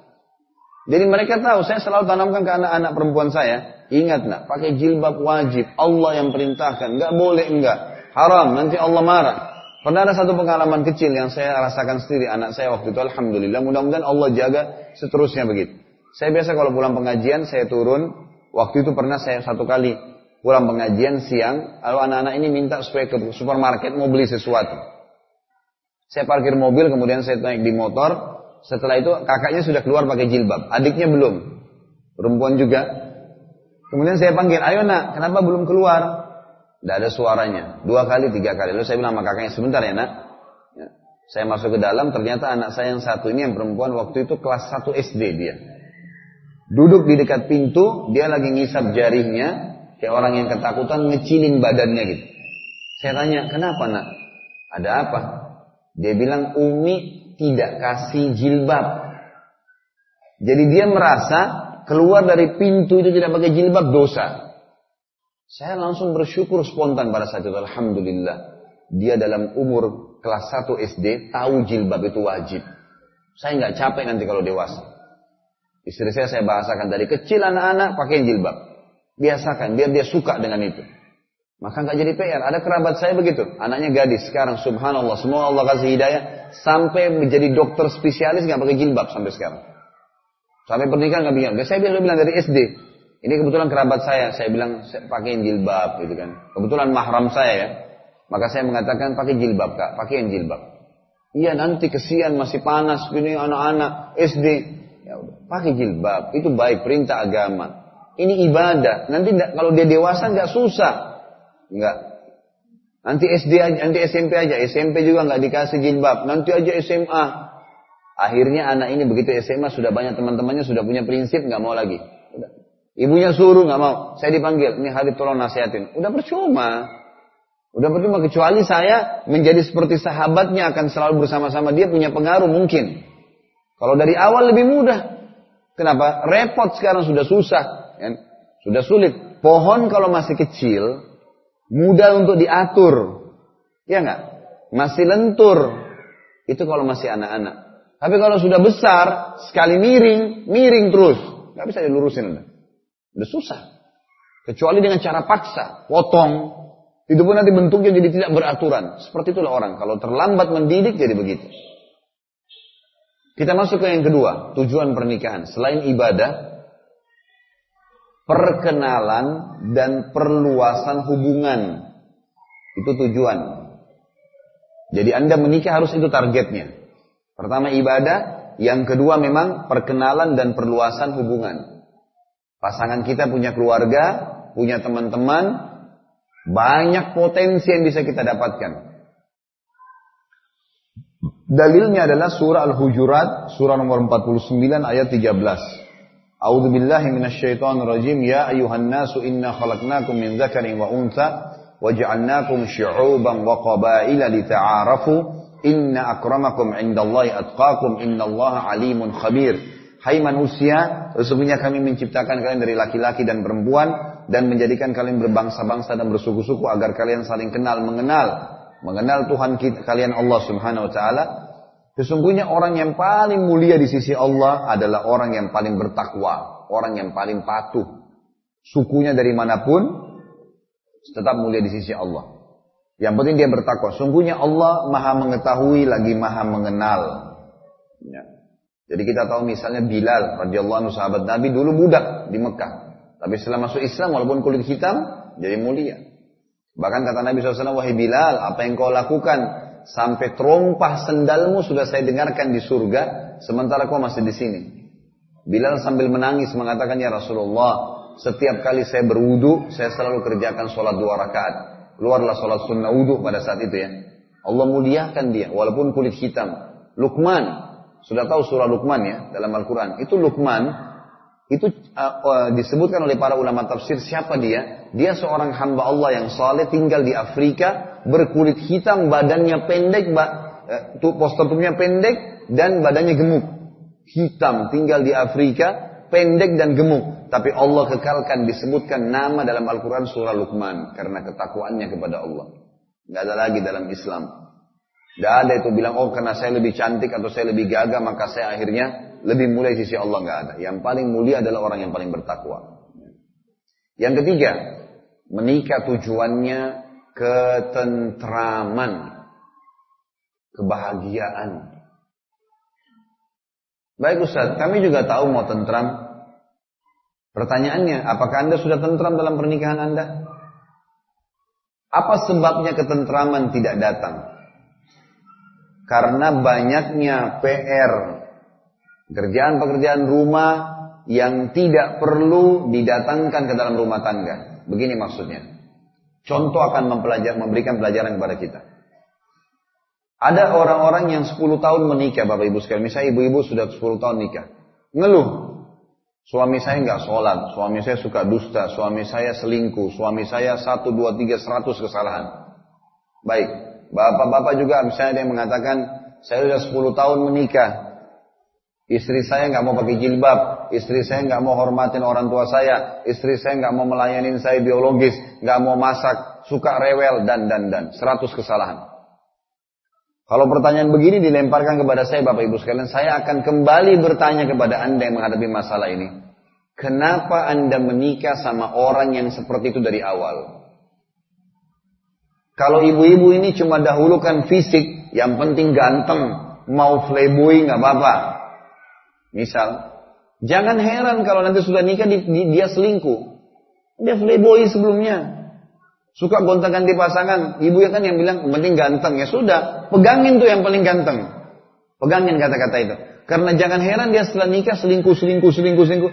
Memang dia begitu sebelum nikah. Itu kan namanya PR ya. Kita ini dalam rumah tangga seperti kapal baru, bahtera baru. Saya dan bapak-bapak sini sebagai kaptennya, ibu-ibu istri di situ sebagai wakilnya, bukan stafnya, wakil. Semua yang dibawa ke atas kapal barang-barang baru, jangan ronsokan. Piring baru, gelas baru, sendok baru, jangan ronsokan. Contoh ronsokan begini, sudah jelas Subhanallah tidak ada orang kalau mau menikah kemudian dia istikharah. Salat dua rakaat minta petunjuk kepada Allah kecuali Allah tunjukkan siapa tuh calonnya.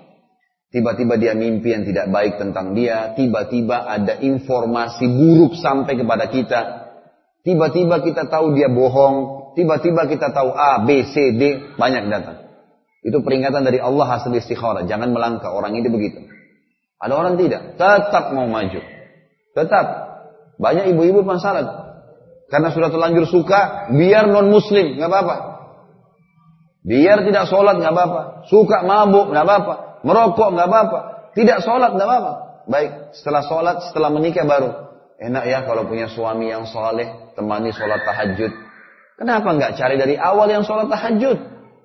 Penuh tuh masjid azan, sudah penuh masjid. Cari itu, pilih satu-satu tuh banyak.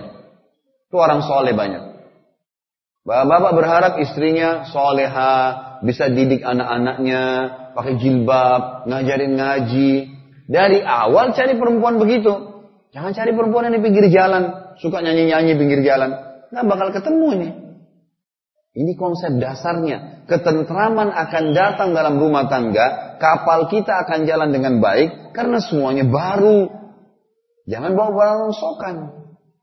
Banyak orang soleh dan soleha. Pilih mereka. Dan itu yang disampaikan oleh Nabi kita Muhammad Sallallahu Alaihi Wasallam. Apa wasiat Nabi kepada wanita? Ibu-ibu dengarkan baik-baik. Wasiat Nabi Wasallam untuk anda yang belum menikah, akhwat kita dan ibu-ibunya yang sudah berumah tangga, ya. Kata Nabi Wasallam, tentu ayahnya juga ya, karena ayah wali di sini. Idza ja'akum man tardawna dinahu wa khuluquhu fazawwiju. Illam taf'alu takun fitnatun fil ardi wa fasadun kabir. Kalau telah datang kepada kalian laki-laki yang kalian ridhoi dua hal. Agama, akhlaknya dan agamanya. Tata keramanya, cara ngomongnya, kesantunannya, dan agamanya. Bukan harta dan gagahnya. Perhatikan akhlak dan agamanya. Terimalah lamarannya. Kalau kalian tolak, malah akan terjadi kerusakan di muka bumi. Kata para ulama hadis maksudnya kalau kalian tolak orang yang punya akhlak dan agama dan dahulukan orang hanya karena gagah dan kaya, jangan heran kalau nanti main tampar di rumah tangga, jangan heran kalau wajah sering memar, jangan heran kalau sering berkata kasar, jangan heran kalau tidak sholat Jumat, jangan heran kalau masih selingkuh, karena memang begitu pos, begitu keadaannya. Ini wasiat untuk wanita dan wali wanita. Bagi laki-laki, apa kata Nabi SAW? Tungkahul mar'atu li arba'ah. Wanita umumnya dinikahi karena empat poin. Umumnya, lihasabiha, wali jamaliha, wali maliha, wali diniha. Karena keturunan kecantikannya, keturunannya, jadi ada orang menikah laki-laki karena cantiknya saya. Sudah cantik, mau cerewet, mau nakal, mau apa yang penting nikah. Ini ada banyak laki-laki menikah karena kecantikan. Ada orang karena jalur, jalur keturunan. Oh ini darah biru atau darah merah, darah apalah. Gitu ya. Pokoknya istilah kita biasa di Indonesia. Anggaplah darah biru ini yang biasa dibilang. Kemudian ada orang menikah karena kekayaan. Perempuan itu kaya, maka dia nikahi karena hartanya. Dan yang keempat, karena agamanya. Lalu kata Nabi SAW, wasiat untuk semua laki-laki, Fadfar bidati din taribat yadak. Cari yang beragama, maka hidupmu akan tentram. Wasiat jelas. Lalu apa kata Nabi SAW dalam hadis Bukhari yang lain? Hadis yang mulia sekali. Kata Nabi SAW, wala amatun saudaun kharma zatu din khair. Ketahuilah wahai para laki-laki, wanita yang budak berkulit hitam dan kharma. Tahu kharma apa itu? Enggak ada pemisah hidungnya nih. Jadi satu lubang hidungnya. Jelek atau cantik tuh? Bapak-bapak nih saya tanya. Kalau nggak ada pemisah hidungnya cantik atau jelek? Oh nggak ada suaranya nih. Luar biasa jeleknya tuh. Nggak ada garis hidungnya. Lubang hidungnya satu gitu kan. Tapi Nabi bilang budak hitam harma. Tapi beragama itu lebih baik kau nikahi. Sampai begitu. Artinya ini isyarat dari Nabi SAW agama didahulukan. Orang yang sudah tidak capek lagi disuruh sholat, azan sudah pakai mukena sendiri sudah sholat langsung. Sudah tidak disuruh, disuruh, sudah disuruh, sudah jaga zikir pagi sorenya, sudah baca Al-Quran, patuh melayani suami. Ada kok yang siap saji ada. Cuma orang-orang ini memang iseng nyari yang tidak, yang lain. Maka jadi kacau sendiri. Nggak ada ketentraman. Jadi ketentraman itu akan datang karena memilih pasangan yang benar dari awal. Allah menyebutkan tentang masalah ketentraman dalam surah Ar-Rum, surah nomor 30 ayat 21. A'udzu billahi rajim wa min ayatihi an khalaqalakum min anfusikum azwajan litaskunu ilaiha wa ja'ala bainakum mawaddatan wa rahmah inna fi dzalika laayatin liqaumin yatafakkarun. Dan di antara tanda-tanda kekuasaan Allah, bayangkan Allah jadikan ini sebagai tanda-tanda kekuasaannya. Supaya kita tahu Allah itu ada dan benar dia dia maha kuasa. Ialah ia atau dia menciptakan kalian, menciptakan untuk kalian pasangan hidup kalian dari jenis kalian sendiri.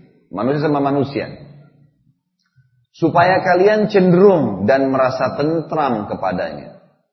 Dan dijadikan di antara kalian rasa kasih dan sayang. Asal ikuti hukum syar'i, ikutin hukum Allah, akan muncul tuh ketentraman, cinta, kebahagiaan. Sesungguhnya pada yang demikian itu benar-benar terdapat tanda-tanda bagi kaum yang mau berfikir. Allah bilang A, A, Allah bilang B, B. Gak sulit. Selanjutnya, yang keempat, tujuan pernikahan. Keturunan yang saleh. Keturunan yang baik. Tentu di sini masuk juga solehah. Ibu-ibu kalau dilamar oleh seorang laki-laki lalu dia kasih syarat, saya mau nikah tapi saya nggak mau punya anak, tolak dari awal. Ini bertolak belakang dengan tujuan pernikahan. Gimana caranya? Berhubungan badan. Orang tetes sperma saja jatuh di rahim ibu pasti bisa jadi hamil. Terus dibilang nggak boleh nikah. Akhirnya stres sendiri. Nggak bisa. Bapak-bapak juga gitu. Mau nikah lamar seorang wanita. Kemudian dia bilang, saya mau nikah tapi saya mau selesaikan kuliah dulu jadi saya nggak mau hamil 4 tahun. Cari wanita yang mau hamil dari hari pertama. Jangan susahin diri. Fitrah manusia butuh anak, nggak bisa. Terutama laki-laki itu dalam kejiwaannya lebih besar daripada ibu-ibu ya. Laki-laki itu secara kejiwaan lebih butuh daripada anak-anak, walaupun ibu-ibu yang hamil. Makanya laki-laki jangan heran kalau sering bilang, ayo hamil lagi dong. Emang itu biasa, fitrah itu. Bukan dia egois, karena berlaku pada semua laki-laki itu. Dia pengen punya anak, dia pengen punya keturunan. Mungkin ibu bilang, enak benar saya yang hamil. Iya, kan sudah dikasih pahala jihad. Semua wanita hamil pahalanya sama dengan mujahid. Meninggal dalam kondisi melahirkan mati syahid tuh. Allah sudah balas itu. Ada balasan. Karena memang dengan cara seperti itulah keturunan manusia jadi berlanjut. Gitu kan? Keturunan ini adalah sebuah kebutuhan. Dari awal pernikahan sudah harus tahu. Boleh mengatur keturunan, tidak boleh membatasi keturunan. Jadi program KB itu boleh dalam Islam kalau mengatur keturunan. Misal dua tahun sekali, misal tiga tahun sekali, atau khawatir si perempuan ini memang secara medis terbukti Allah mudahkan ilmunya disampaikan kepada dokter tadi, memang orang ini kalau melahir lagi hamil lagi bisa meninggal si perempuan nih. Itu baru boleh dibatasi, nggak boleh. Gitu kan? Tapi di sini kita tidak boleh mengatakan dua anak cukup. Nggak bisa ini. Karena kata Nabi SAW, Tazawwajul waludul wadud. Menikahlah dengan wanita yang penuh dengan kasih sayang. Orangnya memang tidak berkata kasar. Kelihatan wanita itu umumnya dari tatapan matanya. Sahdu, orangnya baik, penyayang. Dan juga subur. Mudah melahirkan. Karena fa inni mukathirun bikum umam yaumal qiyamah karena saya bangga dengan jumlah umatku yang banyak pada hari kiamat. Kata para ulama ini adalah motivasi dalam Islam untuk punya keturunan banyak. Khusus ibu-ibu ada tips yang satu hal saya ingin titik beratkan. Ini penelitian para ulama. Dan ini adalah ulama-ulama yang memang terjun juga di dunia medis ya. Ternyata pendapat ulama-ulama ini, saya tidak bicara tim medis orang-orang non-muslim, saya bicara Islam. Karena kita bicara masalah islami. Rahim wanita itu, tepatnya kalau kemaluan wanita, umumnya rahim wanita, membutuhkan permajaan. Karena di situ memang Allah jadikan cuma dia yang bisa hamil. Permajaan itu akan terjadi alami dan akan membantu wanita itu sehat dengan proses haid setiap bulan. Dan maksimal permajaan itu akan memberikan kesehatan kalau dia nifas melahirkan. Jadi keliru kalau ada orang bilang wanita kalau banyak melahirkan malah lemah, itu salah. Wanita dalam Islam kalau banyak melahirkan malah sehat. Coba lihat kalau ada nenek-nenek kita dulu, anaknya 10, anaknya 11. Mana dibandingkan kesehatannya dulu sama sekarang perempuan yang punya anak satu atau dua? Beda jauh. Ada mertua kakak saya di Surabaya, subhanallah. Anaknya, anaknya itu dia sendiri ya, 16. Masya Allah dia meninggal umur 90 tahun sekian, baru berapa tahun lalu. Sampai saya jadikan bahan dalam ceramah saya, karena saya lihat sendiri dengan mata kepala. Anaknya 16 semuanya hidup, sampai anaknya menikah semua dia lihat, anak sampai punya cicit dia. Anaknya juga sampai sudah nikah, menikah juga punya anak lagi. Dia sudah punya cicit si nenek ini. Subhanallah matanya masih kuat. Tiap hari anaknya yang 16 mundar mandir bakti sama dia. Yang ini bawa makanan, yang ini bawa ini, yang ini temanin hidup yang luar biasa. Terjangkau semua kebutuhan dia. Dan kesehatannya luar biasa. Dibandingkan dengan orang yang seba, seumur sama beliau, yang masih hidup, yang punya anak satu, dua, beda sekali kesehatannya. Padahal sama-sama. Ini memang kita bicara secara hukum global. Saya tidak bicara secara substansial. Karena kesehatan berpengaruh kalau secara substansial dengan masalah makanan, ya, pergaulan, minuman, dan seterusnya. gitu kan. Orang kalau merokok, orang kalau minum alkohol itu akan berpengaruh lebih cepat pada penyakit. Tapi ini kita bicara masalah globalnya. Masalah globalnya. Seperti itu. Jadi ibu-ibu yang masih berpikir untuk berulang kali mau melahirkan nanti susah bagaimana. Emang butuh pengorbanan didik anak. Memang. Tapi jangan lupa, anak itu aset amal jariah terbesar bagi setiap muslim. Saya sekarang ceramah depan bapak ibu di sini. Satu, dua, tiga jam, empat jam pun kita ceramah. Orang tua saya, ayah dan ibu saya panen pahala saya. Karena saya tumbuh dari asi ibu saya, saya tumbuh dari nafkah ayah saya. Anak-anak kita ajarin jalan saja. Selama dia bisa jalan jadi amal jariah buat kita. Kita ajarin omongan yang baik. Apa pun itu aset amal jariah yang terbesar. Allah subhanahu wa ta'ala munculkan rasa suka, rasa cinta orang tua kepada anaknya untuk itu. Kita dengarkan ayatnya tentang masalah keturunan nih. Surah An-Nahl, surah nomor 16 ayat 72. A'udzu billahi minasyaitonir rajim. Wallahu ja'ala lakum min anfusikum azwajan wa ja'ala lakum min azwajikum banina wa hafadha. Wa ja'ala wa ja'ala lakum min azwajikum banina wa hafadhatan wa razaqakum minat thayyibat afabil batili yu'minuna wa bi ni'matillahi hum yakfurun. Allah telah menjadikan bagi kalian istri dari jenis kalian sendiri dan menjadikan bagi kalian dari istri kalian itu anak-anak dan cucu-cucu dan memberikan kalian rezeki dari yang baik-baik. Allah suruh makan yang baik, yang halal, yang toyib, yang berkualitas. Maka mengapa mereka beriman kepada yang batil? Mengapa mereka masih mau berzina? Mengapa mereka masih mau makan yang tidak baik? dan mengingkari nikmatnya Allah. Dalil yang lain surah Fatir surah nomor 35 ayat 11. A'udzu billahi minasyaitonir rajim. Wallahu khalaqakum min turab. Wallahu khalaqakum min turamin thumma min nutfatin thumma ja'alakum azwaja wa ma tahmilu min untha wa la tadau illa bi ilmi wa ma yu'ammaru min mu'ammarin wa la yunqasu min umri illa fi kitab inna dhalika 'ala Allah yasir. Dan Allah menciptakan kalian semua dari tanah Adam kalian menciptakan kalian dari tanah. Di sini kata ulama tafsir Adam alaihissalam ada juga mengatakan kita juga termasuk bagian dari tanah. Tapi di sini kalau kita ambil pendapat pertama Adam dari tanah, kemudian dari air mani. Setelah itu berkembang biak keturunannya dari air mani. Kemudian dia Allah menjadikan kalian berpasang-pasangan pria dan wanita. Dan tidak ada seorang perempuan pun mengandung dan tidak pula melahirkan melainkan dengan sepengetahuannya. Dan sekali-kali tidak dipanjangkan umur seseorang yang berumur panjang. Dan tidak pula dikurangi umurnya melainkan sudah ditetapkan dalam kitab Lauhil Mahfud sesungguhnya demikian itu bagi Allah adalah mudah. Saksi bahasan ada wanita di sini mengandung ya mengandung surah Asy-Syura surah nomor 42 ayat 11 juga berbicara masalah itu Asy-Syura surah nomor 42 ayat 11 A'udzubillahi minasyaitonirrajim Fatirus samawati wal ardi ja'ala lakum min anfusikum azwajan wa minal an'ami azwajan yazra'ukum fi Laisa kamitsli syai'un wa huwas samiul basir. Dialah Allah yang menciptakan langit dan bumi. Dia menjadikan bagi kalian dari jenis kalian sendiri pasangan-pasangan dan dari jenis binatang ternak pasangan-pasangan pula. Dijadikanlah kalian berkembang biak dengan cara itu. Tidak ada sesuatu pun yang serupa dengan Allah dan dialah yang maha mendengar lagi maha melihat. Sekarang kita masuk ke poin yang ketiga, konsep ta'aruf islami.